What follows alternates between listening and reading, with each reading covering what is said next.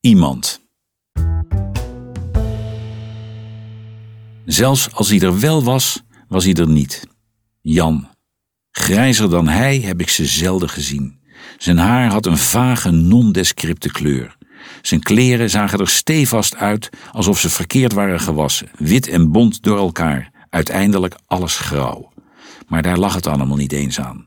Dat grijze van hem, dat zat van binnen. Jan ging totaal op in de achtergrond. Stilletjes voorover gebogen zat hij zijn doosjes te vouwen.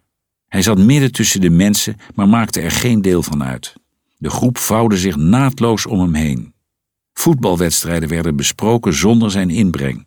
En als er een grapje werd gemaakt, keek niemand of hij ook meelachte. Als zijn werkleider had ik een tijd lang echt mijn best gedaan. Geprobeerd hem tot andere taken te verleiden dan alleen dat doosjes vouwen.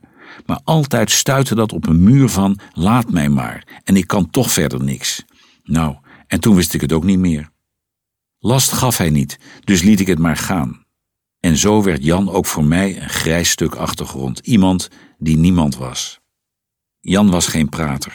Dus toen hem vanuit het bedrijf een gesprekstraining werd aangeboden, had ik er weinig fiducie in.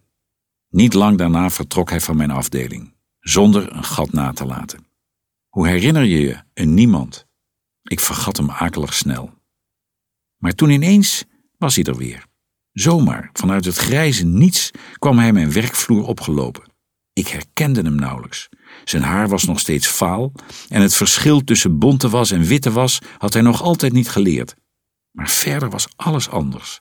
Kwiek loopje, doelbewuste blik, een steekmapje met uitgeprint papierwerk pront onder de arm. Of ik even tijd had, wilde hij weten. Er was iets in mijn urenopgave dat verduidelijking behoefde. Achteraf gezien had ik het misschien kunnen weten. De manier waarop hij zijn doosjes vouwde. Nooit een frommelhoekje. Elk foutje haarfijn gelegd. Dit was een nauwgezet man. Wist hij zelf ook niet. Maar dat pareltje hadden ze dus uit al die grijsheid opgediept. Dat precieze, dat exacte. En nu liep hij samen met mij de opgave van mijn afdeling door. Competent en precies, alsof het de normaalste zaak van de wereld was. Er was geen slordigheidje dat aan zijn aandacht ontsnapte. Jan was iemand geworden, haarscherp afgetekend tegen de grijze achtergrond.